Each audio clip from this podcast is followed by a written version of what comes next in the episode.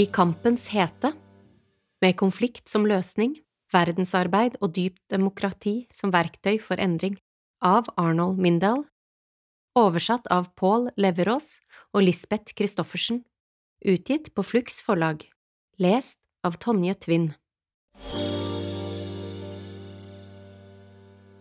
Tre. Rang, et dobbelt signal.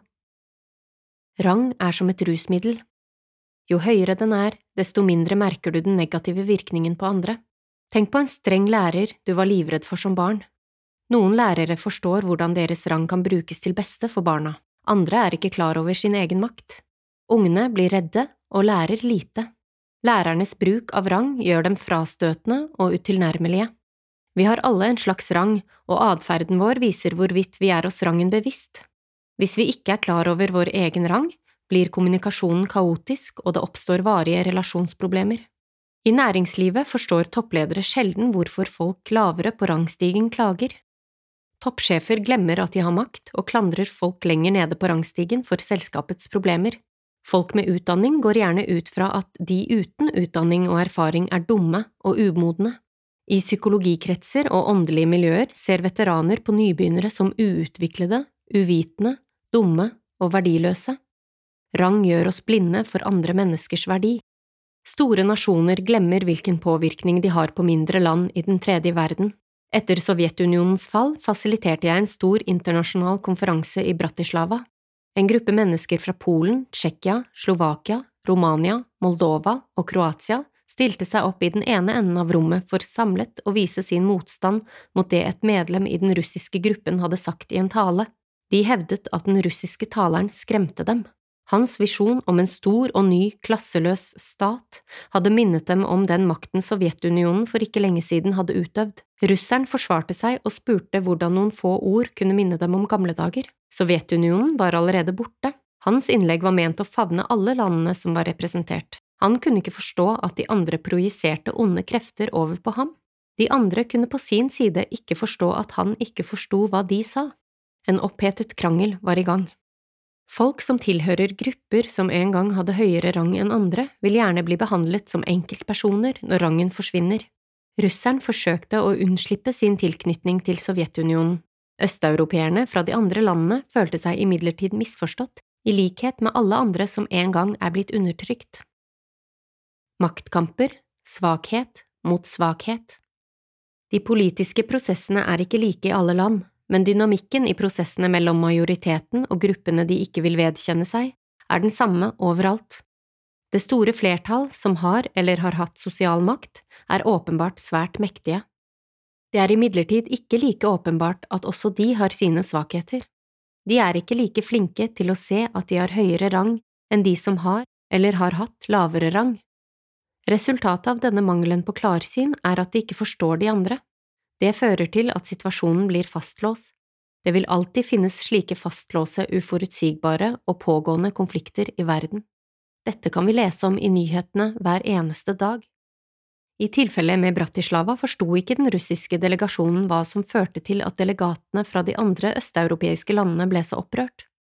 Utfordringen for fasilitatorene som arbeider med slike konflikter, er at de risikerer å bli møtt med en total mangel på forståelse hvis de prøver å få de med høyere rang eller de som har rang i andres øyne, til å forstå hva som skjer, og jo mindre de ser seg selv, desto større provokasjon er det for gruppen som føler seg maktesløs. Det er irriterende at folk ikke klarer å forholde seg til rang. Det får deg til å ville protestere høylytt. Å forvente at de med rang skal innrømme at de ikke forholder seg til den, er imidlertid å forvente at de skal være av et annet kaliber åndelig og intellektuelt enn resten av deltakerne. Til å begynne med kan det virke som en rimelig forventning, men den blir vanligvis møtt med motstand fordi de med høyere rang føler at de blir undertrykt, både av fasilitatoren og deltakerne som kritiserer dem. Midt under angrepet er de menneskene som gjør opprør mot rang, ikke bare ofre, de har også en styrke som kommer åndelig til uttrykk.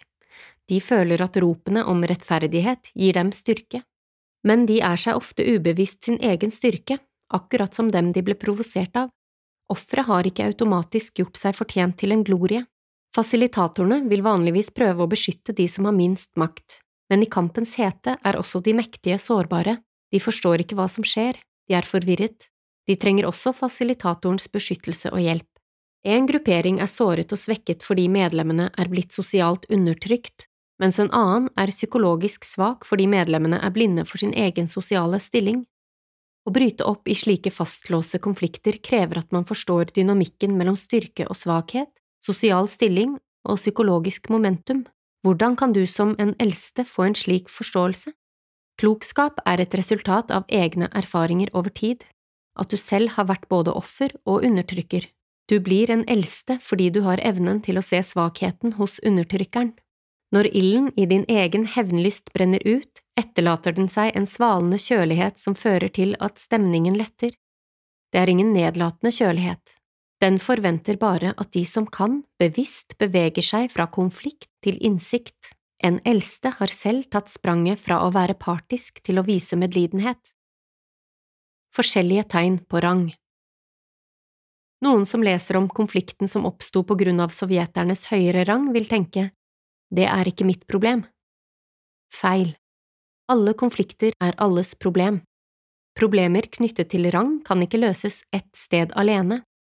Det er noe vi må arbeide med kontinuerlig, overalt.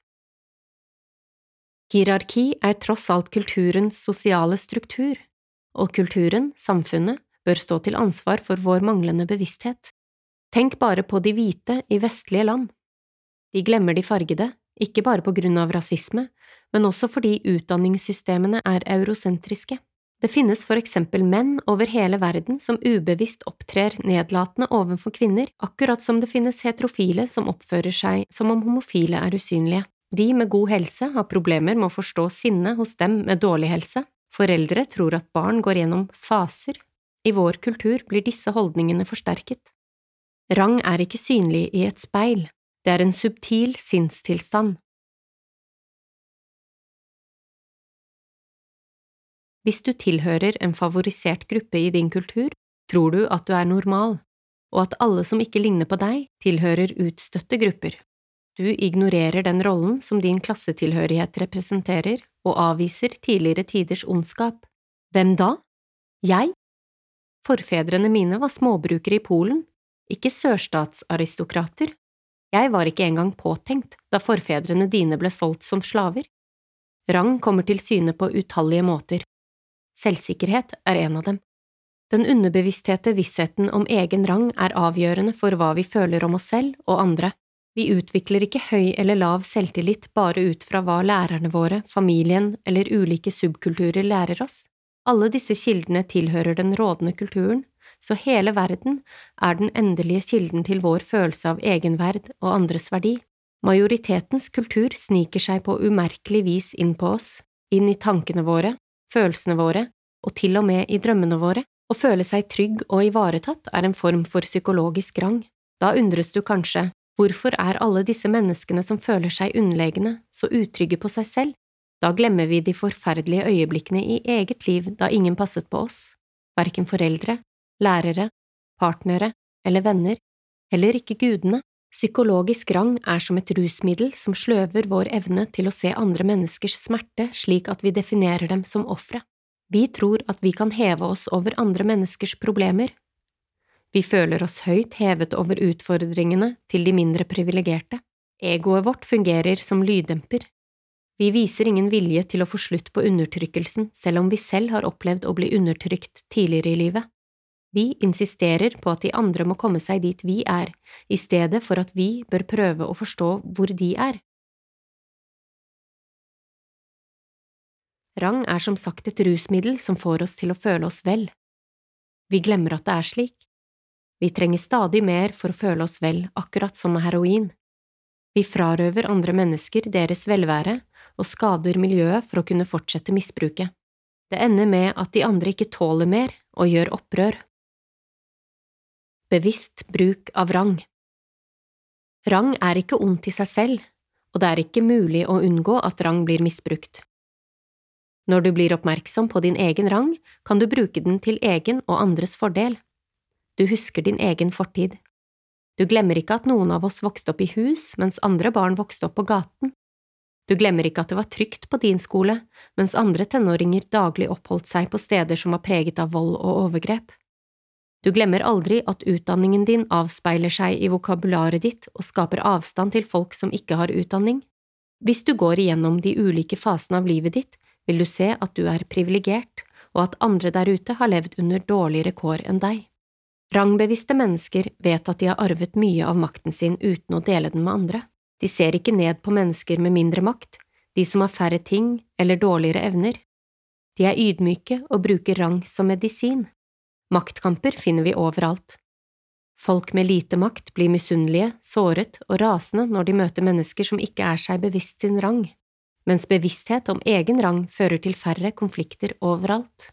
Som barn hever vi oss over rang, det gjør vi også når vi ligger for døden. Iblant opplever vi transpersonlige eller transcenderende hendelser. Det gir oss en åndelig rang, en kraft som er uavhengig av familie, kultur og resten av verden. Når vi ikke er oppmerksomme på denne kraften, ignorerer eller marginaliserer vi andres lidelse. Folk som har lett for å engasjere seg i transcende... Folk som har lett for å engasjere seg i transcend... Folk som har lett for å engasjere seg i transcenderende opplevelser, kan bli elitistiske. Det er fort gjort å glemme rang i en religiøs eller åndelig kontekst. Vi tror at vi følger kjærlighetens vei, Fred verdsettes så høyt i mange religioner at de troende kan avvise konflikter som oppstår når de tror at andre er mindre åndelige. Målet med verdensarbeid er ikke at vi skal legge alle spørsmål om rang bak oss, men vi skal være oppmerksomme på at rang finnes i alle sammenhenger, og derfor bruke den til noe konstruktivt. Å sende ut doble signaler Noen av meldingene og signalene vi sender ut, er bevisste, mens andre er ubevisste. Jeg kaller bevisste signaler for primære signaler og ubevisste signaler for doble signaler. La oss si at noen later som om de er glade når de egentlig er ulykkelige. Da sender de ut doble signaler. Den delen av signalet du sender ut bevisst, kan være et smil eller en latter, mens du avslører dobbeltheten ved at du samtidig henger med hodet eller snakker lavt. Hvis du ikke er klar over signalene du sender ut, vil du antagelig bli overrasket over andres reaksjon. Hvis du er klar over hva du sender ut, vil du aldri bli overrasket over responsen. I et folkemøte i en liten by i Oregon møtte jeg en mann i begynnelsen av 60-årene. På den tiden pågikk det en stor debatt om de homofiles rettigheter i delstaten. Mannen reiste seg for å si hva han mente om homofili. Han hadde på seg hvit skjorte og slips, i kontrast til de andre deltakerne, som var mer uformelt kledd. Jeg er en ydmyk person, sa han med et selvsikkert smil. Jeg tror på det som står i Bibelen, og jeg tror at homofile har mistet kontakten med Gud og derfor er fortapte. De trenger å bli frelst. Det primære signalet var at han var en ydmyk mann som følte at homofile er forvirret og i åndelig ubalanse. Det var det han ønsket at vi skulle høre. Han holdt en bibel i hånden for å forsterke budskapet men smilet hans sendte ut et dobbelt signal som andre opplevde som nedlatende. Bibelen i seg selv var et dobbelt signal som viste at mannen følte at han tilhørte det moralske flertallet. Smilet og Bibelen ble oppfattet som nedlatende. Dere trenger ikke å høre på andre enn meg, kjære forsamling, jeg er sannheten. De doble signalene utløste en blanding av følelser, forvirring og irritasjon. De homofile og lesbiske aktivistene formelig vred seg i setene i sin iver etter å slå tilbake. Mannens selvgodhet vekket også negative reaksjoner hos andre. Doble signaler er et uttrykk for sekundære prosesser, følelser du kanskje ikke ønsker å bli forbundet med hvis du forsto hva du egentlig sa. Denne mannen forsto ikke at han var nedlatende. Han synes selv at han var åpen for alle. De fleste doble signaler er drømmeaktige, slik jeg forklarte det i The Dream Body in Relationships, Doble signaler gir uttrykk for en persons dypeste følelser, åndelige opplevelser og ubevisste opplevelse av egen makt og rang. Doble signaler gir uttrykk for en persons dypeste følelser, åndelige opplevelser og ubevisste opplevelse av egen makt og rang. Mannens doble signaler sa, Jeg er deres overmann, så dere må lytte til meg, for det jeg sier er ikke åpent for diskusjon. Makt fanget i et dobbelt signal. I det samme møtet fortalte en hvit kvinne at hun var blitt såret av folk som baksnakket homofile. Hun så ned i gulvet mens hun snakket. Samtidig knyttet hun nevene. Hun snakket om at hun følte seg maktesløs og såret. Hun fortalte om den gangen hun gikk hjem fra en fest og gråt helt til det grydde av dag. Hun fortalte at hun en gang ble værende i leiligheten i tre dager av frykt for nok en gang å bli såret. Det hun sa om å bli såret, og det at hun så ned i gulvet mens hun sa det, var de primære signalene. De knyttede nevene var et dobbelt signal. Da hun var ferdig med å snakke, ba jeg henne fokusere på hånden og knytte den så hardt hun bare kunne. Hun var ikke engang klar over at hun hadde knyttet neven, men da hun fikk tenkt seg om, var hun en helt annen person. Jeg ønsker å forsvare mine egne og andres meninger. Jeg ønsker å forsvare denne mannen for hans meninger selv om jeg er uenig med ham, men jeg ønsker også å verne om mine egne meninger. De doble signalene utstrålte en enorm kraft, og den kraften fant seg ikke i å være stengt inni henne. Siden hun ikke var klar over kraften selv, måtte den finne veien ut i form av et dobbelt signal. Doble signaler er ofte løsningen når vi prøver å avdekke vanskene og dybdene i våre relasjoner.